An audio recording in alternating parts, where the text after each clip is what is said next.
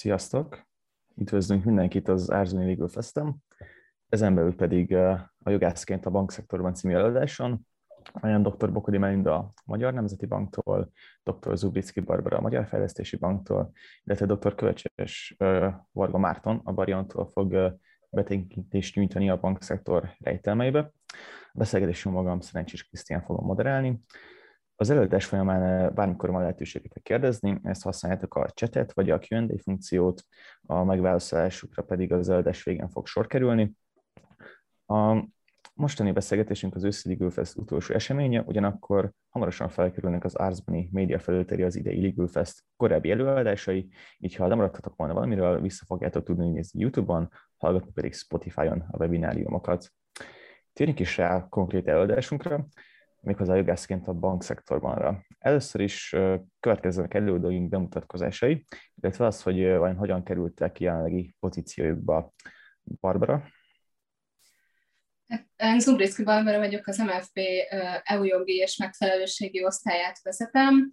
Hát, hogyha csak egy lépést akarok visszalépni, akkor én úgy kerültem az MFB-be, hogy én az egyik lányvállalatnál dolgoztam. Először kettős munkavállaló voltam az MFB Investbe, és a Corvinus kockázati tőke alapkezelőnél, hát mostani nevén a High Ventures egyébként, előtte pedig én a gazdasági versenyhivatalban dolgoztam. Tehát igazából szakmailag egy, egy viszonylag ilyen hát érdekes út vezetett ide, hiszen az antitrust terület az, ami a háttér, hátterét adja az állami támogatási jognak, amivel én foglalkozom, és valahogy így a, a, a lehetőségek megtaláltak, amikor a GVH-ban ültem, tehát onnan, onnan kerültem ugye át az MFB csoportban, és onnan már egy, egy kicsit, kicsit könnyebb helyzetem volt, mert nekünk folyamatosan kapcsolatunk volt az MFB-vel, tehát mi nagyon sokat egyeztettünk a, ugye az anyavállalattal, és akkor adódott egy olyan lehetőség, hogy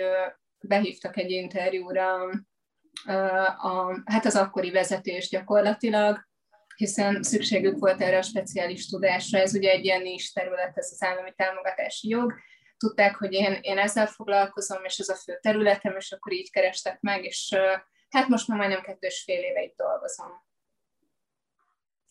Úgyhogy így nem, nem tudom, milyen terjedelembe gondoltátok, de így, ha röviden akarom összefoglalni, akkor így, így ennyit Kérdés. tudok mondani. Köszönjük szépen. Melinda?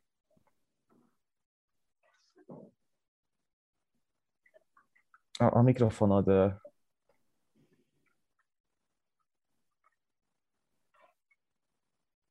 Köszönöm szépen a figyelmeztetést. Én már 22 éve dolgozom a Magyar Nemzeti Bankban, és vezetem azt a csapatot, aki a jegybanki területek jogi kiszolgálásáért felel. Igazából ez a feladatkörünk ez nem változott azóta sem, hogy integráció történt a korábban pénzügyi szervezetek állami felügyeletével hívott, vagy felügyeletének hívott felügyeleti szervvel. Tehát ma is a jegybanki terület az, ami hozzám tartozik az itt dolgozó jogászokkal együtt. Előtte, és a kollégáim is előtt ezt megelőzően, hogy a jegybankban dolgoztak volna, bankszektorban tevékenykedtek, és annak megfelelően kerültek ide, mert nálunk is azért hasonló tevékenységek vannak, mint a bankszektori jogászok által végzett tevékenység. Köszönöm szépen a Márton? Um, sziasztok! Kövecses Varga Márton vagyok, a Barion Payment ZRT-nek a compliance officeri pozícióját töltöm be még egy éve sem, vagy a körül. Én is Barbarához hasonlóan annak köszönhettem a jelenlegi pozíciómat, hogy, hogy a pályám korábbi szakaszában sikerült egy úgymond nis területen tapasztalatot szerezni. Ez pedig pont az, ami mivel a Barion Payment ZRT is foglalkozik, ez pedig az elektronikus pénz. Um, én nem um, bankjogász vagy um, vállalati jogtanácsos vagyok, hanem compliance officer.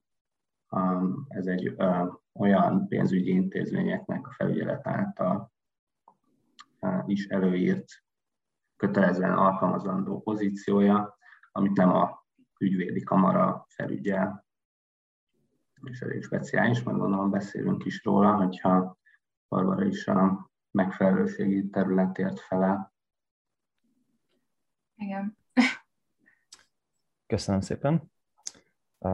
Eleinte még a, karrieretekről kérdezni a titeket, elsősorban arról, hogy pályakezdőként milyen irányba indultatok el, mi a fejetekben, mi volt a motivációtok diplomázás után, akkor még keveset tudtatok a szakmáról.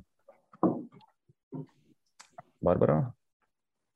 Hát ezen sokat gondolkoztam, mert ez elég személyes történet, de szerintem ilyen érdekes, meg, meg talán valami tapasztalatot átadok ezzel, hogy én ilyen nagyon tudatos ember vagyok, és amikor a, a pályaválasztásra került sor, akkor nagyon sokáig vaciláltam a közgazdaságtan meg a jog között, mert matematika tagozatos is voltam egy időben, meg a nyelveket is nagyon szerettem, meg, meg az irodalmat is, tehát én tipikus példája vagyok annak, hogy se humán, se rá, hanem mind a kettőt szerettem, és akkor nagyon kevés döntött a jog mellett, végül a jogra adtam be, és akkor a, én a pázmányon végeztem. És akkor, amikor, amikor már majdnem az utolsó államvizsgámat letettem, de még előtte voltam, akkor ö, ö, arra gondoltam, hogy azért megpróbálom a közigazgatást, mert emeltek a, az illetmény alapon 70%-ot, tehát ö, ez ugye a 2000-es évek eleje volt, akkor versenyképes lett a közigazgatás, én kipróbáltam nagy ügyvédi irodákat egyetem alatt, nekem az nem tetszett, több szempontból nem az én személyiségemhez passzoló volt úgy, úgy igazán, úgy nem, nem volt kedvem ezt, ezt folytatni, és akkor azt gondoltam, hogy akkor a közigazgatás legyen, akkor legyen olyan, ami, ami a, tudja ezt az üzleti szemléletet követni, amit én nagyon szeretek, tehát a közgazdaságtan szerepet játszom, és még fontos volt nekem, hogy egy kiemelt intézmény jó fizetéssel legyen, és akkor volt akkoriban azt hiszem egy kormányrendelet, ami ezeket az intézményi szorzókat tartalmazta. És akkor ezzel a három információval álltam hozzá, úgy, hogy akkor még az internet nem volt ilyen fejlett, tehát én a Yellow Pages-t vettem elő, és abban volt egy hatósági rész, és akkor ott pipálgattam, hogy mit tetszene nekem, ami ugye az intézményi szorzók alapján is rendben van, meg ugye a közgazdaságtani szemlélet megjelenhet, és akkor így volt a PSZÁF, ugye a mostani MNB-nek a, az egyik területe, ugye a, a, a felügyelet, akkor az állami számvevőszék, meg a gazdasági versenyhivatal. És akkor én fogtam az önéletrajzaimat, ilyen színesen kinyomtattam, akkor már megvolt a, az angol diplomám, mert én másodévben egy évet végeztem Londonban. Hát ilyen short course-nak hívták, nehéz ezt most megfeleltetni a, a magyar, magyar rendszernek, gyakorlatilag az LLB Honors Degree-ből volt egy év, amit így Londonban elvégeztem, tehát volt egy ilyen különlegesebb dolog benne, meg benne volt ugye a Nemzetközi Ügyvédi Irodás tapasztalatom, és akkor ezzel a stóccal mentem az ÁSZ-hoz, a GVH-hoz, meg, meg, meg a PSZÁF-hoz, és akkor a GVH-ban például megáll, megállítottak engem a, a portások, ilyen idősebb portásbácsik voltak, és kérdeztek, hogy hova, hova jövök. Mondtam nekik, hogy hát ez 2001-ben volt egyébként, hogy hát az EU osztályra. Mondták, hogy hát ott ilyen, ilyen nincs. Mondtam, hogy ja, elnézést akkor a nemzetközire, és akkor mondták, hogy ott a lift, hova menjek föl, és akkor ott volt egy titkárnő, aki átvette az önéletrajzomat, és annyira megtetszettem, vagy szimpatikus voltam neki, hogy szólt a főnöknek, és engem másnap fölhívtak, hogy hát náluk nincs hely, de a versenypolitikán van, és akkor gyakorlatilag jogászként bekerültem egy olyan szervezeti egységre, ahol hát 0,2%-os jogi feladat van, tehát egy ilyen elméleti közgazdaságtani munka folytott úgy inkább, de így nagyon érdekes volt így, így az az egy év, úgyhogy így, így nem bántam meg, én nagyon sokáig maradtam, több mint tíz évig a versenyhivatalban, úgyhogy, úgyhogy, úgyhogy egy nagyon tudatos választás volt, amit, amit azóta se bántam meg, mert, mert egy, mert egy olyan szemléletet képviselt akkor a, a GVH, hogy a, a szakmai közigazgatásnak nagyon nagy szerep jut, és nem a, a bírságolást helyezték előtérben, nem a megelőzést. Tehát nagyon-nagyon sok kapcsolatunk volt a piacsal. Tehát nekem ez azóta is egy nagyon fontos kapaszkodó, és én ezt nagyon, nagyon fontosnak tartom a, a napi munkám során, azt a, azt a cizelláltságot, meg azt a szemléletet, amit én ott, ott fiatal kezdőként megkaptam. Ugye én így ennyit szeretnék így röviden mondani, vagy hosszan. Köszönjük szépen. Melinda?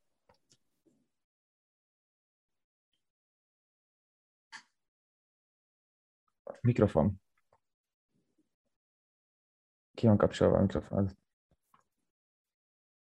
Gyakorlat. Tehát az én esetemben elég tudatos volt a döntés, mert azok után, hogy ügyvédi irodákban eltöltöttem rövid gyakorlatot, akkoriban valahogy indult az eltén egy ilyen bank jogászképzés, tehát nem egy LLM, hanem még az egyetem alatt, ahol, ahol tudom, Gárdos Istvántól elkezdve nagyon a pénzügyi jogban nagyon elismert szinte már tudományos szakembereknek tekinthető emberek tanítottak minket, és ezek után én az egyetem alatt a nagyon kellemes emlékeim fűződnek az akkori külkereskedelmi bankhoz, amelyet ma úgy hívunk, hogy MKB bank.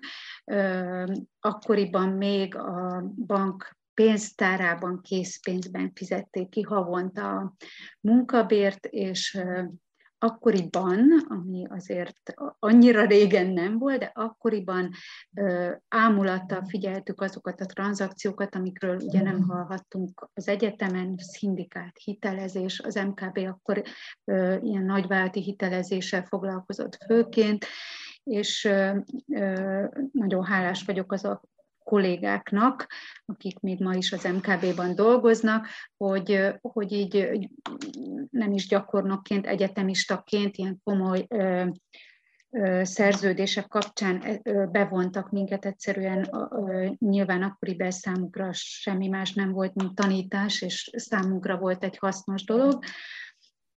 Úgyhogy én ezt, ezt követően mármint az egyetemet követően is bankban kezdtem, egyszerűen úgy, hogy hogy rengeteg bankhoz beadtam a jelentkezésemet, és ezek közül párban meghallgattak, majd az akkori hitelbankban, amely privatizáció előtt állt, az ottani csapathoz csatlakozhattam, és ezt követően pedig az ABN AMRO banknak a lakossági területén dolgoztam. Akkoriban a bankszektorban, külföldi bankszektorban való dolgozás az, az egy nagyon kreatív munka volt. A termékfejlesztők együtt dolgoztak a jogászokkal, és, és sokkal kevésbé volt elvárása a külföldi termékek automatikus implementálása idehaza, mint, mint azt gondolom, hogy manapság, tehát nagyon sok mindent tanultam, és nagyon sokat tanultam arról, hogy mit jelent egy jogász számára azt, hogy egy közgazdásszal kell együtt dolgozni. Ez egyetemistaként nem gondoltam, hogy ez egy nehézség, sem azt, hogy én megértessem a jogi szempontokat, sem azt, hogy én megértsem az ő szempontjaikat, de, de így gyakorlatban együtt dolgozva egy közös cél érdekében, erről sokat tanulhattam.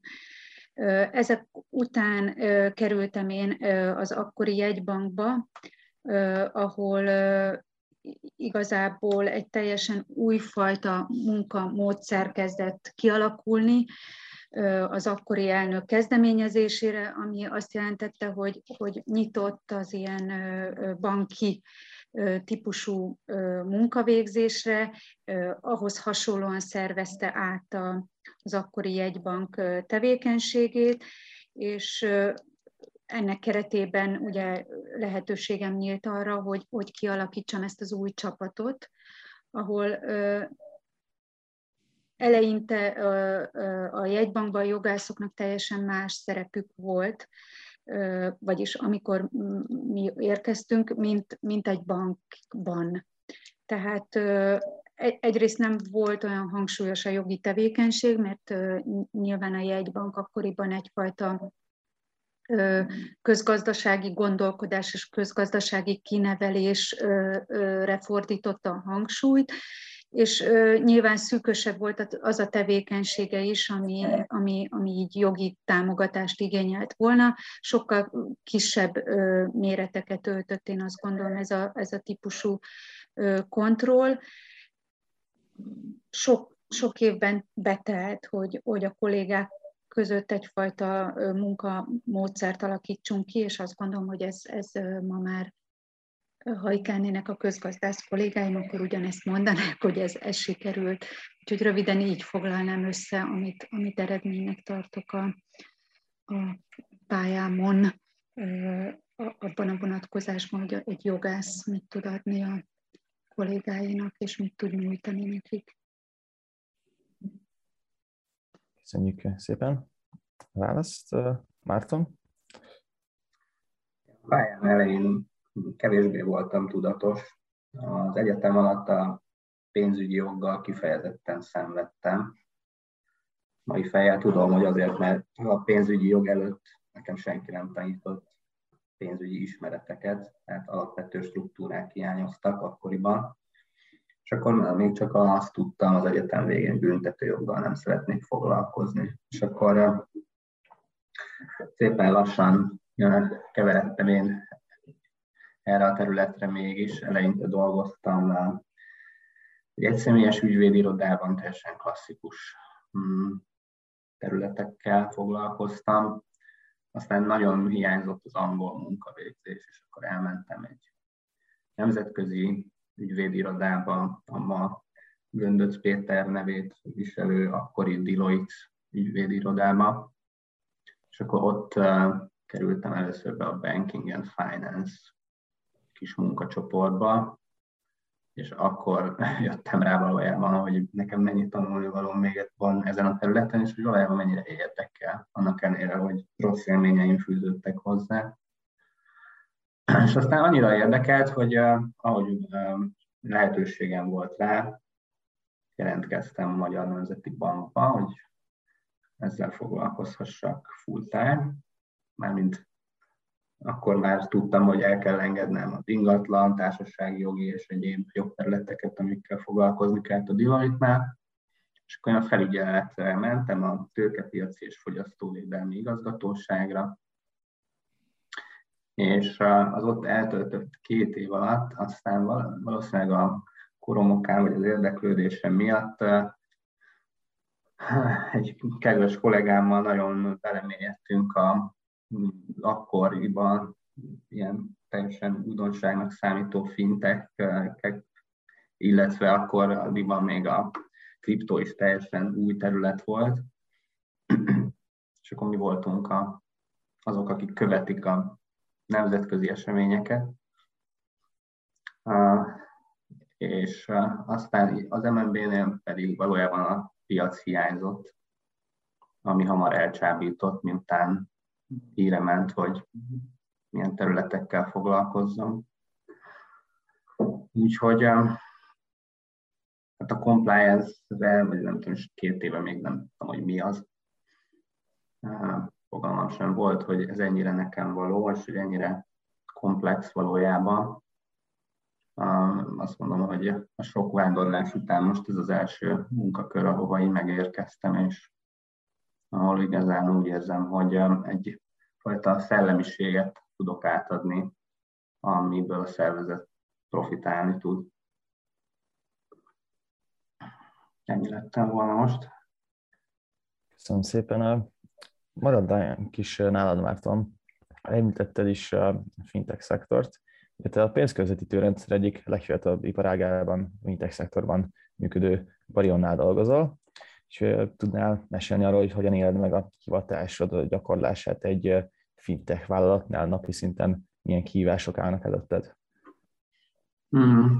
Hát a, a kihívás az kevésbé adódik a fintech jellegből, inkább a startup jellegből, mert hogy kicsik vagyunk, és nálunk nincsenek osztályok, végképp főosztályok, egy asszisztensen van, tehát az erőforrásokat, az erőforrások beosztása ez egy kihívás, és hát az a mm, learning curve, ami elé állít maga a terület, hiszen nagyon interdisziplináris, olyan dolgokkal kell foglalkoznom, amikkel um, eddig korábban soha, vagy egy um, átlagos jogásznak nem kell. Például tudom én a információ biztonsághoz kell érteni, hiszen a felügyelet által előírt pénzügyi jogi normák jó részem ma már informatikai tudást igényel.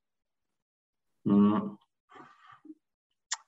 Úgyhogy a terület maga az, az ilyen szempontból kihívás. Um, tudom, erről a compliance területről akkor most van-e ideje beszélni, vagy ezt inkább majd Barbara vezeti fel? Nyugodtan megteheted. Hát te közelebb vagy szerintem. Ne, nekem a nevem az inkább a titulusom jobban utal rá, de nálam az inkább másodlagos egyébként. Szerintem ezt, erről érdemes beszélni a hallgatóknak, mert ez egy olyan feljövőben lévő és egyre nagyobb hangsúlyt szerintem egyre nagyobb hangsúlyt kapó terület lesz, ahol, ami egy potenciális pálya minden jogvégzett előtt. Én az én asszisztensemet is még csak egy hónapja találtuk meg. Nagyon nehezen elmondani is nehéz egy ilyen rövid álláshirdetésben, hogy valójában miről van szó, és ne ijedjen meg tőle. Esetleg az az ember, akinek ez a külföldi kifejezés nem ismerős. Tehát ez a compliance, ez a tükörfordításban megfelelést jelent. Ez pontosabban azt jelenti, hogy vannak különböző külső jogi normák, jogszabályok, meg vannak a cég által maga által felállított részben jogszabályok, részben ilyen erkölcsi, etikai alapon nyugvó normák, és ez ezeknek való megfelelést jelenti. A más szemszögből ugyanez, a compliance az valójában szerintem kockázatkezelésről szól. Hát még nem vagyok egy nagy szenior a területen, de ezeknek a megfelelőségi szabályoknak a be nem tartása következtében esetlegesen keletkeznek jogi kockázatok, felügyeleti, egyéb hatósági szankcióknak a kockázatai, pénzügyi veszteség, hírnévrontás, ilyesmi, és ezeknek a menedzselése az, amiben az én munkám áll, amellett, hogy természetesen van napi operatív compliance munka is, ami hatósági megkeresések megválaszolását jelenti, és, és adminisztrációt, és hát a kollégáinknak az oktatását, mert hogy valójában hiába tudom én, vagy a compliance officer a szabályzatokat, a compliance-et való, valójában a, a kollégáink valósítják meg közösen akkor, amikor um, megnyilvánulnak akár az ügyfelek felé, akár a felügyelettel való kommunikáció során. Hát, hogyha kiegészíthetem, csak ugye a compliance tevékenységet az belső védelmi vonalnak hívjuk így felügyeleti szempontból, és azért azon túl, hogy ugye oktatja, stb. stb. a, a, a munkavállalókat arra, hogy a belső szabályok, jogszabályok szerint mit kell csinálni. Ugye ő egyfajta kontrollt is, e, szerintem ez, ez egy kicsit úgy, úgy kimaradt, mert ugye a lényege felügyeleti szempontból az az, az a kontroll, amit gyakorol, és probléma esetén jelez tehát muszáj, hogy detektáló eszközei legyenek, és muszáj, hogy valamilyen módon a vezetéshez jussanak. Most nyilván egy, egy barion ö, ö, kicsi szervezetben ez, ez másképp néz ki, de mondjuk egy hitelintézetnél, vagy egy ö, nagyobb pénzügyi vállalkozásnál, ott, ott mindenféle szabályozás van arra, hogy ő hogyan tud a vezetéshez fordulni, mondjuk így, és jelezni, hogy, hogy itt vannak olyan problémák, amelyek ugye nem feltétlenül jogszabályiak, hogyha jól mondom, hanem, hanem nyilván belső szabályiak, vagy felügyeleti ajánlásokba, elvárásokba rögzített a felé tendáló eseményeket észlel, akkor nyilván ezeket is mondjuk így a compliance az egyik olyan védelmi vonal, aki megfogja, tehát hogy bocsánat, hogy megerősítettem ezt a pozíciót, de ugye ez a, ez a lényege így a compliance-nek is, hogy, hogy, hogy ő, ő, ő egy, nem csak kockázatkező, hanem egy ilyen detektáló és a vezetőség felé egyfajta auditáló szereppel bír, és igen, köszönöm a kiegészítést. A, ezek a védelmi vonalak valójában hogy az az elmélet, hogy úgy valósulnak meg, hogy a compliance officer munkáját azt nem a szervezet vezetője értékeli, hanem egy felső ellenőr, aki szintén független, és aki azzal foglalkozik, hogy kezemet nézi. Amennyiben egésznek érzitek a compliance részletezését, akkor én tovább mennék a kérdésekben. Ugyanakkor, ha Barbara még reflektálnál a témára, akkor nyugodtan tedd meg. Most azt kérdezem tőletek, hogy rész Barbarától, illetve Melindától, hogy ti egy merőben más intézménynél dolgoztak, mint Márton egy hosszú ideig működő pénzügyi közvetítő rendszerben, mondhatni igazán meghatározó szereplőnél. Ti milyen kihívásokkal, feladatokkal találkoztok a mindennapjaitok során? Én kezdjem? Vagy? Kezdheted, Barbara, igen. Ja, oké. Okay. Hát amikor erről gondolkoztam, erről a kérdésről, akkor próbáltam ilyen típus feladatokat megfogalmazni, mert talán abból látjátok legjobban, hogy miből áll a munkám. Hát, hogy mondtam is, ez egy nincs terület, tehát nagyon nehéz volt, amikor kerestünk például egy szenior embert, mert az egyik emberem már kilenc éve itt volt, és váltani akart, és elment, és nagyon nehéz volt őt pótolni akkor, akkor ugye nehézségekkel szembesültünk, mert ez az állami támogatási jog, ez gyakorlatilag félig közgazdaságtan, tehát árazási kérdésekről van szó elsősorban, félig jog, de, de egy olyan jogrendszer, vagy bocsánat, olyan jogterület, ami mögött gyakorlatilag az antitrust közgazdaságtan áll, és a versenyjogi logika áll. Tehát egy olyan embert kellett keresnünk, aki ugye ezeket érti, és megvan ez a, a hozzáállása. Tehát ugye a fő feladatunk azok az árazási gyakorlatilag megfelelőségnek a megállapítása, mert az állami támogatási jog erről szól.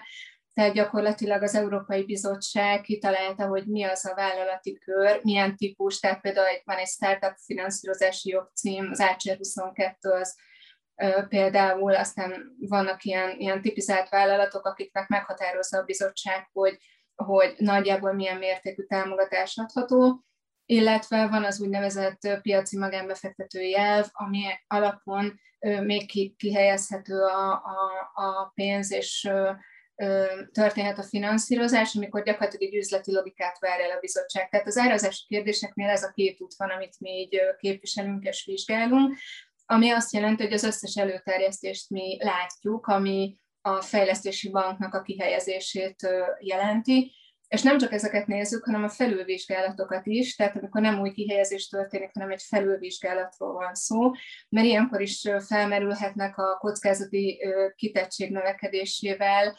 újraárazási kérdések, és akkor azt az újraárazási kérdést mi megint megnézzük, hogy az újból kalkulált ár az, az mennyire feltethető meg az uniós elvárásoknak. Tehát ez a fő csapás irány, ez a, az árazás, tehát amikor a hitel, garancia, kötvény, jegyzés, vagy, vagy bármilyen más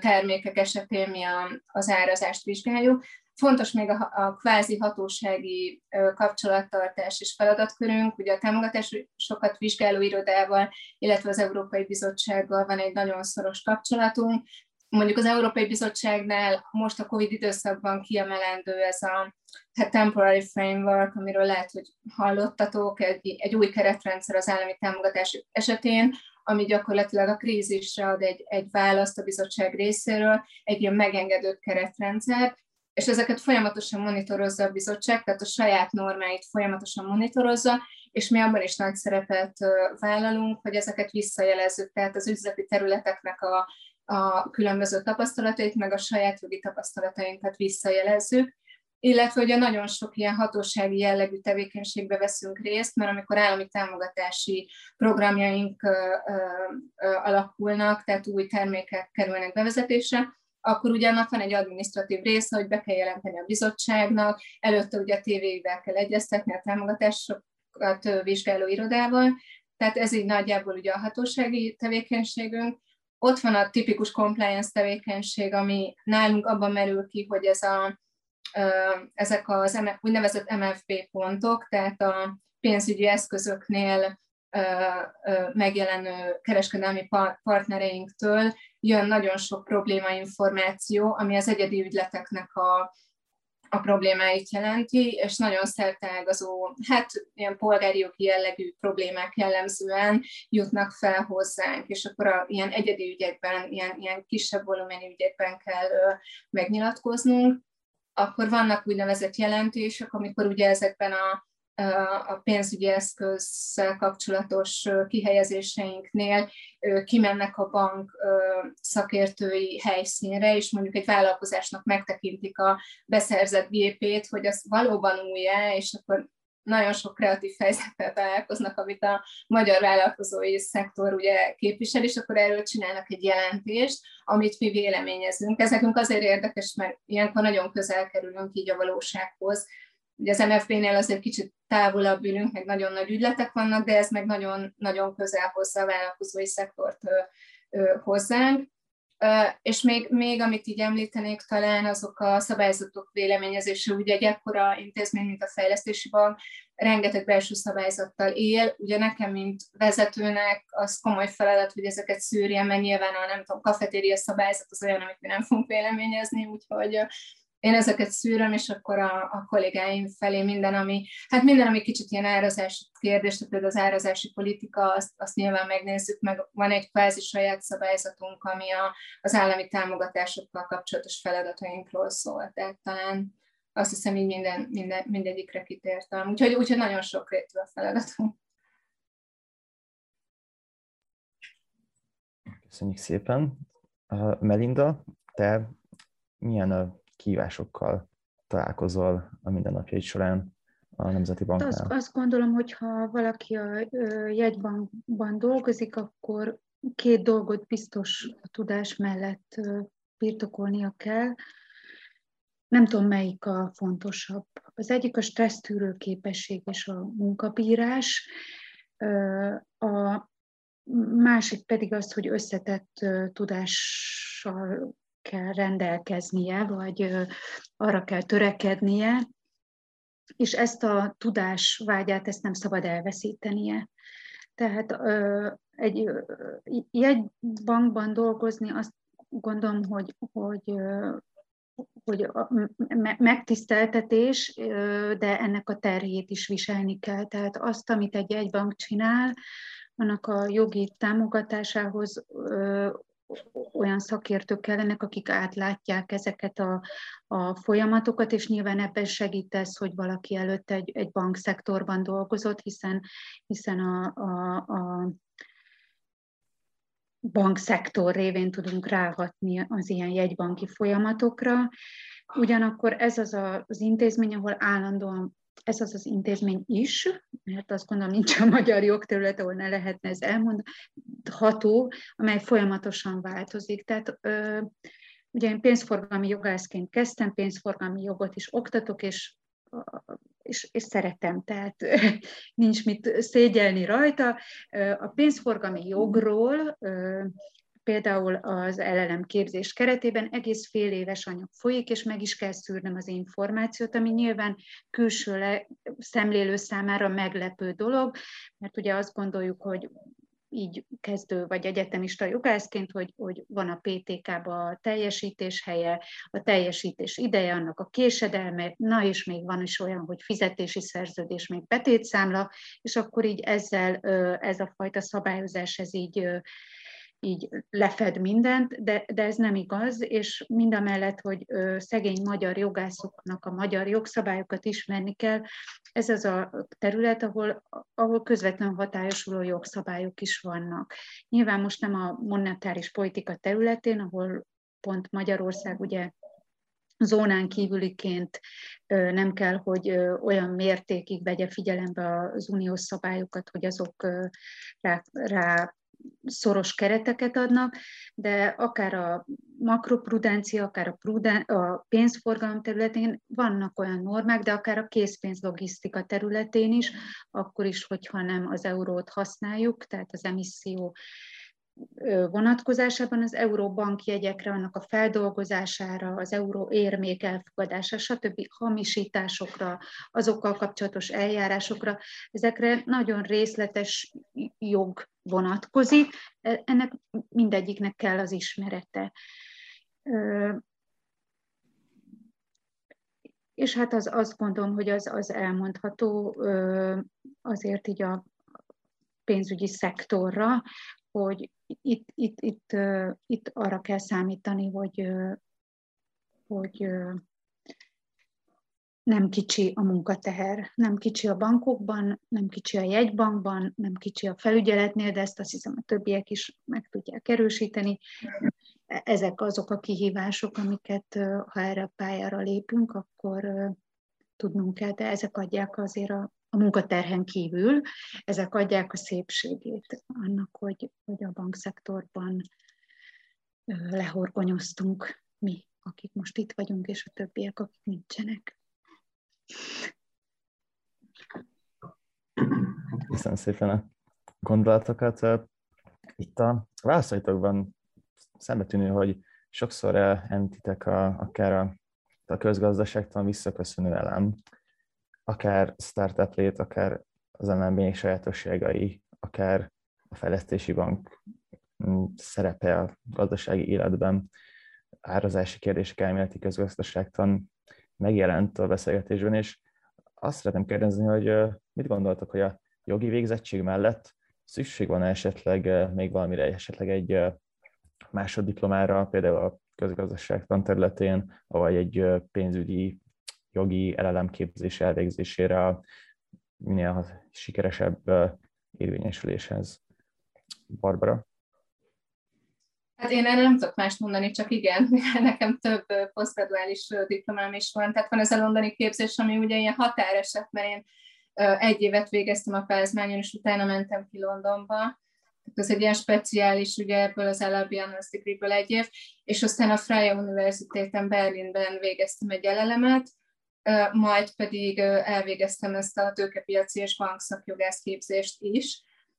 És én is gondolkoztam ezen, hogy, hogy, hogy esetleg a közgazdaságtannal foglalkozzak, csak aztán én arra jutottam magammal, tehát ez csak az én személyiségem, hogy lehet, hogy többet ér úgy a diplomám, ha ilyen szakjogász irányba megyek el, mert, mert azok a területek, amik eleve érintik a közgazdaságtant, a, azok, azok eleve engem érdekelnek, de, de talán így még többet érhet a, a, a diplomám, a szakjogász diplomákkal együtt, de ez tényleg csak az én karrieremre érvényes szerintem. De szerintem általánosságban azt lehet mondani, hogy minden, ami ilyen plusz dolog, és az ember szívesen csinálja, meg, meg tényleg azért csinálja, mert valami érdekli, az, az, az nagyon hasznos, és kiemeli a tömegből. Tehát, hogy hogy, hogy én is azt mindvégig komolyan vettem, hogy nekem van egy közgazdaságtani irányultságom, néha jobban is él, él, élveztem a közgazdaságtani vizsgákat, nálunk így a pázmányon elég komolyan volt véve, tehát, hogy én hiszek abban, hogy azt kell csinálni, amihez az embernek kedve van, meg affinitása van. És minden olyan, ami ilyen plusz dolog, az alapdiplomán kívül, azt szerintem, szerintem nagyon hasznos, és,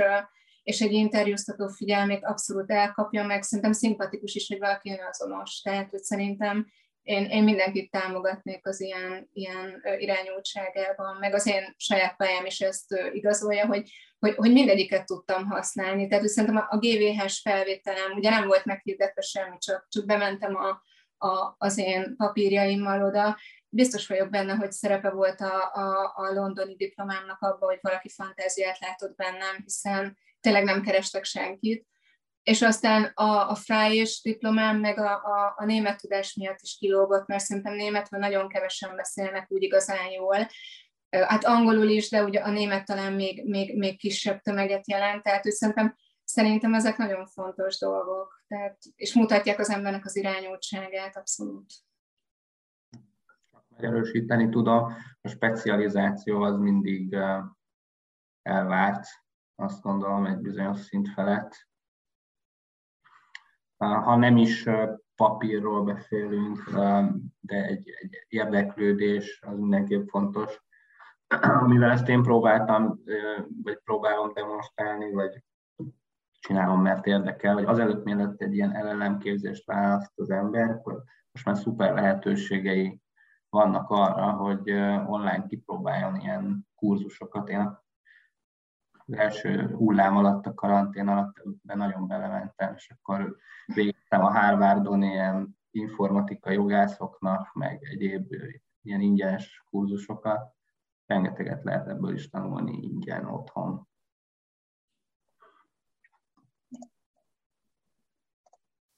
Melinda?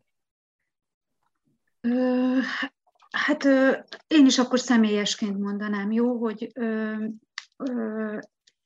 a jegybanki területen jogászt csak LLM képzéssel vagy banki gyakorlattal alkalmazunk. Most azért mondtam, hogy személyes, mert nyilván ez az én döntésem. Én azt gondolom, hogy erre azért van szükség, mert az, aki hozzánk jön, ő neki tényleg az az elvárásunk, hogy, hogy már ismerje azt a, azt a, azokat a kereteket, amik, amik között mozognunk kell, és onnan tudunk egyre részletesebb tudást szerezni. Nálunk a kollégák specializáltak, tehát van, aki az emissziós területtel foglalkozik, de annak a magyar-angol minden lábával, van, aki pénzforgalommal, van, aki a hatósági eljárásokkal, van, aki jogalkotás, stb. stb. Így, így vagyunk specializálva, és azt gondolom, hogy ezek akkor, akkor működnek, hogyha ehhez ö, ö, most ez úgy, úgy érzem, hogy szigorúan hangzott, de hogyha ehhez megvannak azok, a, azok az alapok, amelyekre építkezve tényleg ki tudunk emelkedni, és azt tudjuk mondani, hogy, hogy, hogy, hogy tudunk valami többet nyújtani, és több, több felé menni. Arra nem igazán van nekünk kapacitásunk, hogy, hogy hogy így e, e, előről kezdjünk valami tudást megszerezni, illetve nagyon fontos az, hogy, hogy akár egy ilyen bankszakjogi képzés elvégzése után van részletes információ valakinek, akár azért, mert a bankszektorba lehúzott nem egy hónapot, hanem három évet, mert, mert érti, hogy hogy működik ez a rendszer, és ott egy olyan, olyan szocializációra tesz szert, ami, ami nekünk már egy segítség abban, hogy tudjuk, hogy, hogy, hogy, hogy, hogy ezt nem kell már megtanulnia. Én is azt gondolom, hogy egyébként azt érdemes vál, olyan plusz dolgot kell ma egy jogásznak választania, ami, amiben érez elkötelezettséget, hogy végigcsinálja. Tehát sem egy LLM képzés nem rázható ki az ember kisújjából, sem egy másod közgazdasági diploma nem jön ki magától. Ki mit érez magához közel állónak. Én azt gondolom, hogy, hogy nálunk a jegybankban a, a jegybanki jogászoknak nem feltétlenül szükséges közgazdasági plusz tudás, amellett, hogy a saját területükre vonatkozóan megszerzik azt, a, azt az ismeretet, ami ahhoz szükséges, hogy megértsék a, e, erre mondom a közgazdász kollégákat, az ő gondolkodásukat. Nekünk nem kell min jogászok, akik először jogi diplomát szereztek, én, én úgy érzem, ők, ők valahol mindig jogászok maradnak, akik először közgazdasági diplomát végeztek, és utána végzik el a jogi egyetemet, ők pedig valahogy mindig közgazdasági szempontból fognak megközelíteni dolgokat. Én azt gondolom, hogy vannak olyan közgazdász kollégáink, akikkel könnyebben van, akikkel nehezebben, de mindenkivel el tud jutni az ember oda, hogy megérezze, hogy mi az a jogi szempont, ami nekünk fontos, és mi is meg tudjuk érteni azt az ő gondolkodásukba, hogy mi a fontos, és akkor innentől fogva tudunk egymásnak közösen segíteni abba, hogy megoldódjon egy probléma. Ugyanakkor biztos, hogy nem a jogászok fogják egy jegybankba kitalálni, hogy éppen a mostani például gazdasági helyzetben mi az, ami a kilábalás felé fog elvinni minket. Tehát én azt gondolom, hogy hiába lenne valamilyen közgazdasági tudásom, sem a hatásköröm nem terjed ki rá, hogy tanácsokat adjak a MT felé javaslatokat tevő szervezeti egységeinknek, sem nem érzem magam kompetensnek ebben, tehát én, én azt gondolom, hogy a bankszektorban ez egy kiegészítő ismeret lehet, hogy valaki a közgazdasági tant egyetemi oktatás keretében elmélyül benne, de azt gondolom, hogy az teljesen igaz, amit az előbb a Márton mondott, hogy annélkül sajnos nincs bankszakjogászkodás, vagy bankjogászkodás, hogy az embernek követné a, a gazdasági folyamatokat. Tehát én sem tudok a kollégáimmal beszélni mondjuk a fintekekről, vagy nem tudok a számlainformációs szolgáltatásról, ha nem próbálom ki, hogy mit jelent a számlainformációs szolgáltatás az én telefonomon, és meg nem látom, hogy, hogy ennek mi az értelme. Mert egyébként ezek száraz szabályok, borzasztóan száraz, unalmas szabályok, és nem is érti az ember, hogy, hogy mi, mi a célja. Tehát azt gondolom, hogy, hogy tényleg így van, hogy ne, nekünk talán sokkal többet kell tudni a jogszabályok mögöttes értelméről vagy céljáról, mint, mint egy, egy, egy ügyvédi tevékeny, sima ügyvédi tevékenységnél, tehát a pénzügyi jog vonatkozásában. Köszönjük szépen, nagyon értékes gondolatok hangzottak el.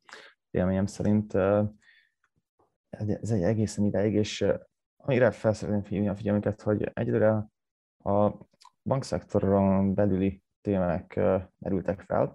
Ugyanakkor rögzöld kérdés az, hogy az ügyvédek és a jogtanácsosok, a compliance officerek, vagy a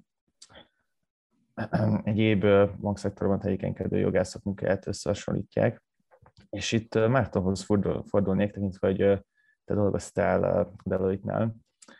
Mivel ragadnád meg a fő különbséget, amikor a két hivatásrend közötti különbség került terítékre? Fő különbség szerintem abban áll, hogy egy ügyvéd irodában egy jelölt, vagy egy ügyvéd is, az iroda abból él, hogyha ennek a jelöltnek, az ügyvédnek az ideje el van adva. Tehát van billable hour, és ez egy folyamatos feszítés. És ez nem a munkamennyiségből adódik, hanem mert hogy jogtanácsos, vagy egy compliance officer sem dolgozik kevesebbet, viszont megteheti azt, hogy mondjuk bizonyos témák mentén sprinteket csinál, és akkor úgy osztja be a tematikát, ami szerint halad. Péntek délutánra, hogyha laza témát szeretnék választani, megtehetem. Szerintem ezt a nemzetközi ügyvédirodában nem lehet. Hmm. De egyébként a munkamennyiségben én nem látok különbséget. Ezt, ezt kicsit tovább gördíteném, hogy a péntek délután felmerült. A, ha az ügyvédek szóba kerültek, akkor egy, jön rögtön a work-life balance kérdése is velük. Ez nálatok, és itt mind a hármatokat kérdezem, ti ezzel hogy álltok, annyira tudjátok, hogy akarjátok egyáltalán kizárni a munkát négy óra után az életetekből? Most négy órát mondtál? Ilyen négy órát, nyolc órás kezdéssel vélelmezve. Barbara? Hát nekem nagyon fontos ez a work-life balance, én is láttam már mindent, mert direkt le akartam fedni minden ö, ö, szakmai ágát a, a jogásságnak, és ö, most a mostani állapotot nem tudom, de az biztos, hogy a 2000-es évek elején én azt meg tudom erősíteni, amit itt elhangzott, hogy, hogy ezekben a nemzetközi ügyvédi irodákban volt egy olyan titkárnő, aki hatkor érkezett, és akkor hattól, nem tudom, hajnalig, ha úgy, úgy adódott, dolgozott, tehát már rajta is lehetett látni, hogy itt, itt nincs egy vége a munkaidőnek, nem lehetett meghatározni. Én ugye ott például gyakornok voltam, tehát elvileg négy órában voltam, de hat órás munkák voltak, tehát napi hat órás, illetve egyszer fölcsöngettek hozzám vasárnap, hogy akkor most jönni kéne, és gyakornok voltam, tehát én ott elhatároztam, hogy ez, ez nekem biztos, hogy nem lesz jó így hosszú távon, mert én szeretek élni, meg fontosnak tartom, és a mostani munkám ezt abszolút tudja, tehát így visszacsatolnék a Mártonhoz, hogy, hogy, hogy, hogy nem kevesebb a munka, mert egy átlagos napon egyszer vettem a fáradtságot, összeszámoltam, hogy a bejövő e-mailjeim száma az ilyen 200 volt egy, egy teljesen átlagos napon, tehát nagyon nagy a pörgés nálunk is.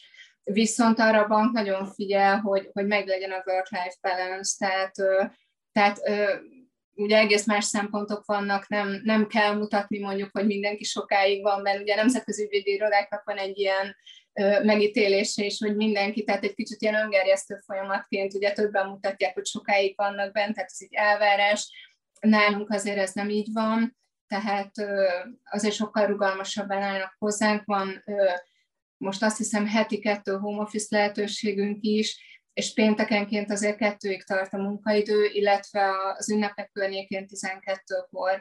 Tehát én átlagosan főnökként szerintem ilyen fél hat körül szoktam letenni a, a munkát, és kilenckor kezdek, és otthon még rá szoktam nézni a, a, az e-mailjeimre egyébként, tehát ha kell válaszolok, vagy, vagy a kocsiból piros lámpánál, ha úgy adódik, de, de én annyira szeretem, hogy ez egyrészt nekem nem, nem jelent egy ilyen nagyon nagy terhelést, ilyen plusz terhelés, másrészt meg tényleg érződik az intézmény oldaláról, hogy ezt fontosnak tartják, tehát hogy, hogy, hogy tényleg van egy ilyen, ilyen teljesen egészséges work-life balance nálunk. És szerintem ez, ez nagyon-nagyon fontos. Tehát, hogy én hiszek abban, hogy azt a fajta terhelést, meg ilyen szervezetnek kvázi a kisigerelését, amit én azért itt-ott megéltem, azt hosszú távon így nem lehet csinálni, vagy egészségesen nem, nem vagy én biztos nem tudnám, akkor azt mondom, de én, én nekem ez rendkívül fontos dolog.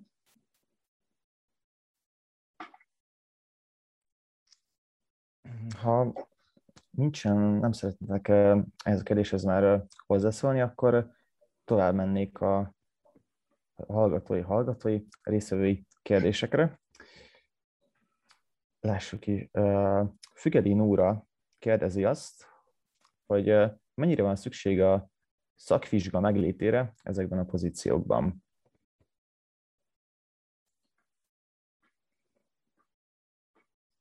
Akkor Melinda, nálatok, ahogy említetted, végül is, igen.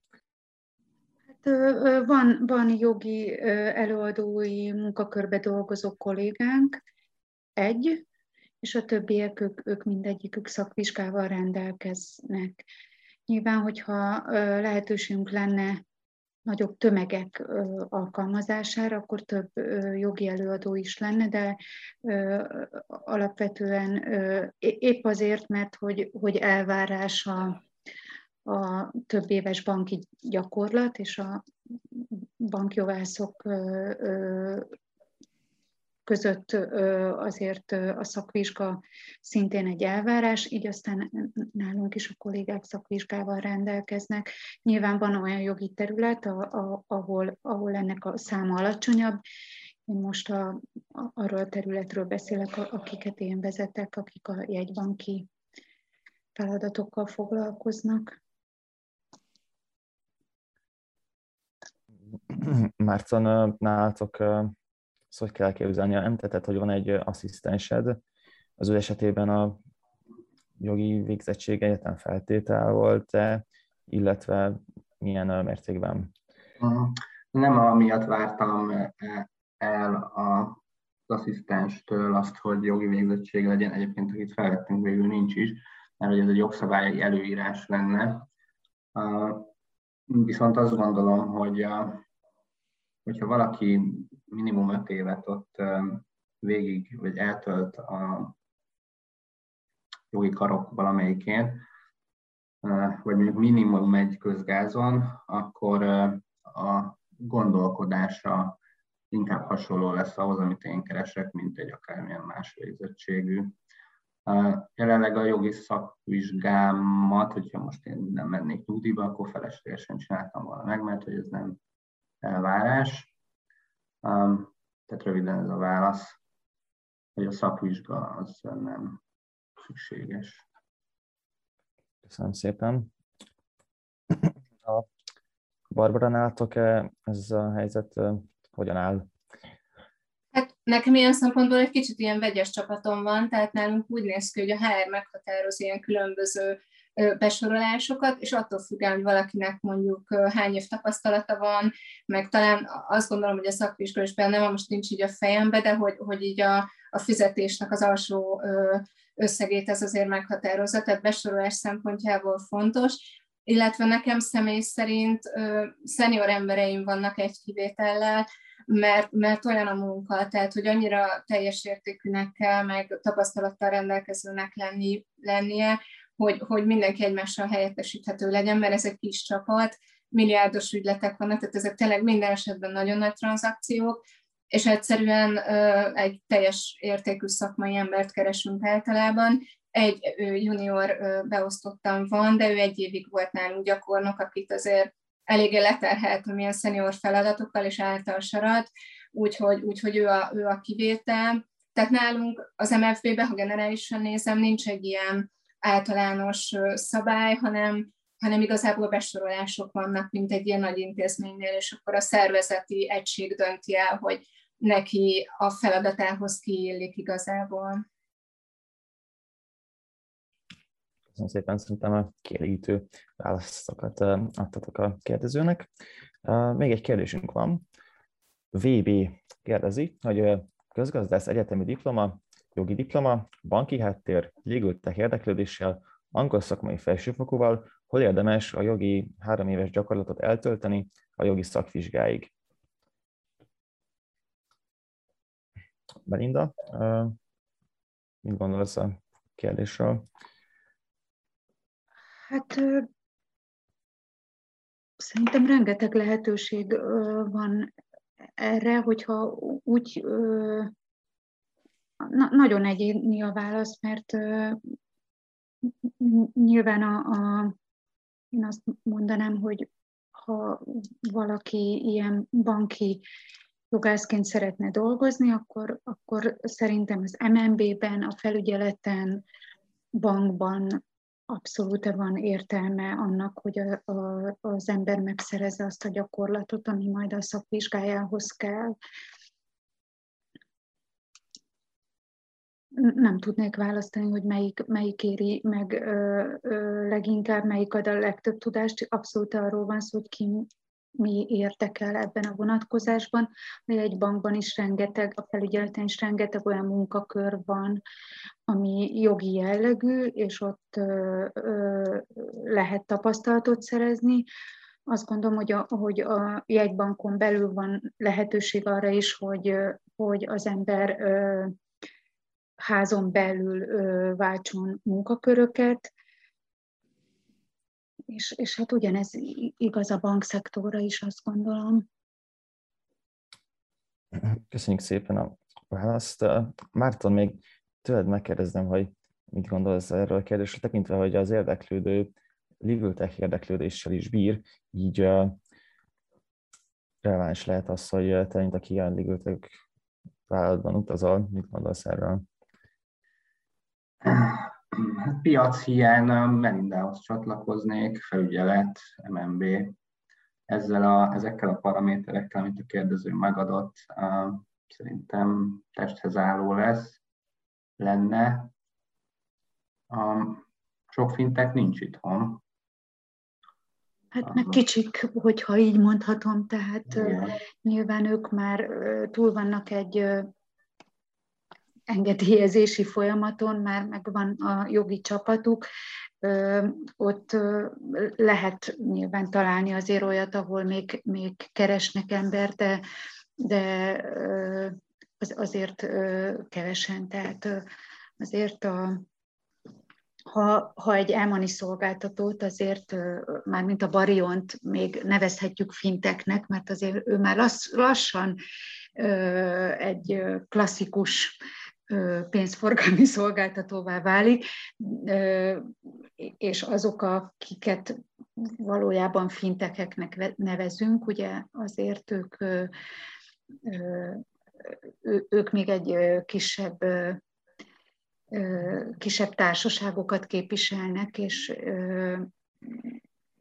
nem biztos, hogy, hogy egy olyan jogi csapatra van szükségük, hogy vezető, kezdő, gyakornok, stb. stb.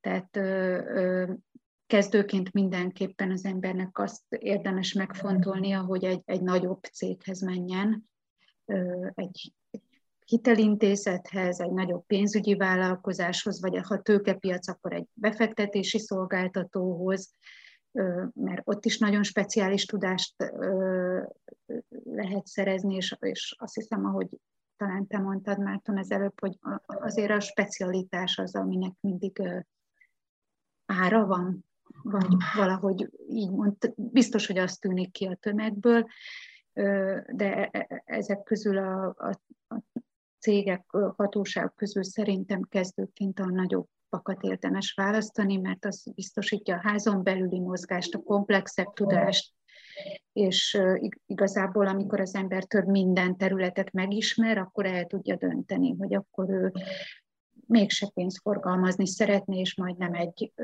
elmani szolgáltatóhoz szeretne menni, hanem inkább őt a tőkepiac vonza, és inkább elmegy egy, egy treasurer céghez, vagy egy befektetési szolgáltatóhoz, mert, mert, mert hát ebben a szektorban is, vagy egy biztosítóhoz, nehogy Isten, mert ebben a szó, ö, re, szektorban is rengeteg specializált ö, tudású jogász dolgozik.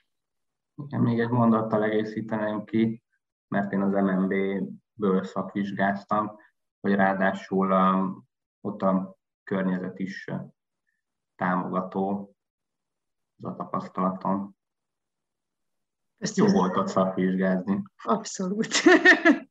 Abszolút, ez, ez biztosított, de most viccet félretéve, hogy biztosított a, a szakvizsgához. Azt hiszem a munkaidő is, tanulmányi szerződések vannak. Mondjuk azt gondolom, hogy, hogy az MNB-ben a képzések lehetőség az nagyon sokrétű, és sok lehetőséget biztosít. Tehát akkor, ha az ember elvégzi a munkáját, akkor nagyon sok lehetősége van arra, hogy a munkája mellett, vagy felcserélve a sorrendet, de napközben tanul, éjszaka dolgozik, de a munkája elvégzése mellett rengeteg képzést biztosít az MNB, hogy, hogy specializálódni tudjunk. Azt hiszem, hogy ez akkor, akkor, akkor szintén egy, egy, egy, hogy mondjam, egy nagyobb cég mellett szóló ér lehet egy, egy friss diplomás számára. Köszönjük szépen a kimerítő válaszokat, és ez a, megragadnám a lehetőséget arra is, hogy megköszönjem nektek a beszélgetést, Barbara, Márton és Melinda. Az előadást, illetve a Legal Fest korábbi előadásait hamarosan visszanézhetitek, illetve hallgathatjátok az Arzbani média felületein, az YouTube-on és Spotify-on. Bízunk benne, hogy jól érezhétek magatokat a Legal Festen, sok hasznos információval, tudással lettetek gazdagabbak. Köszönjük szépen a részvételeteket, és mi nagyon élveztük az elmúlt három napot. Sziasztok! Mi is köszönjük. Köszönjük szépen. Sziasztok!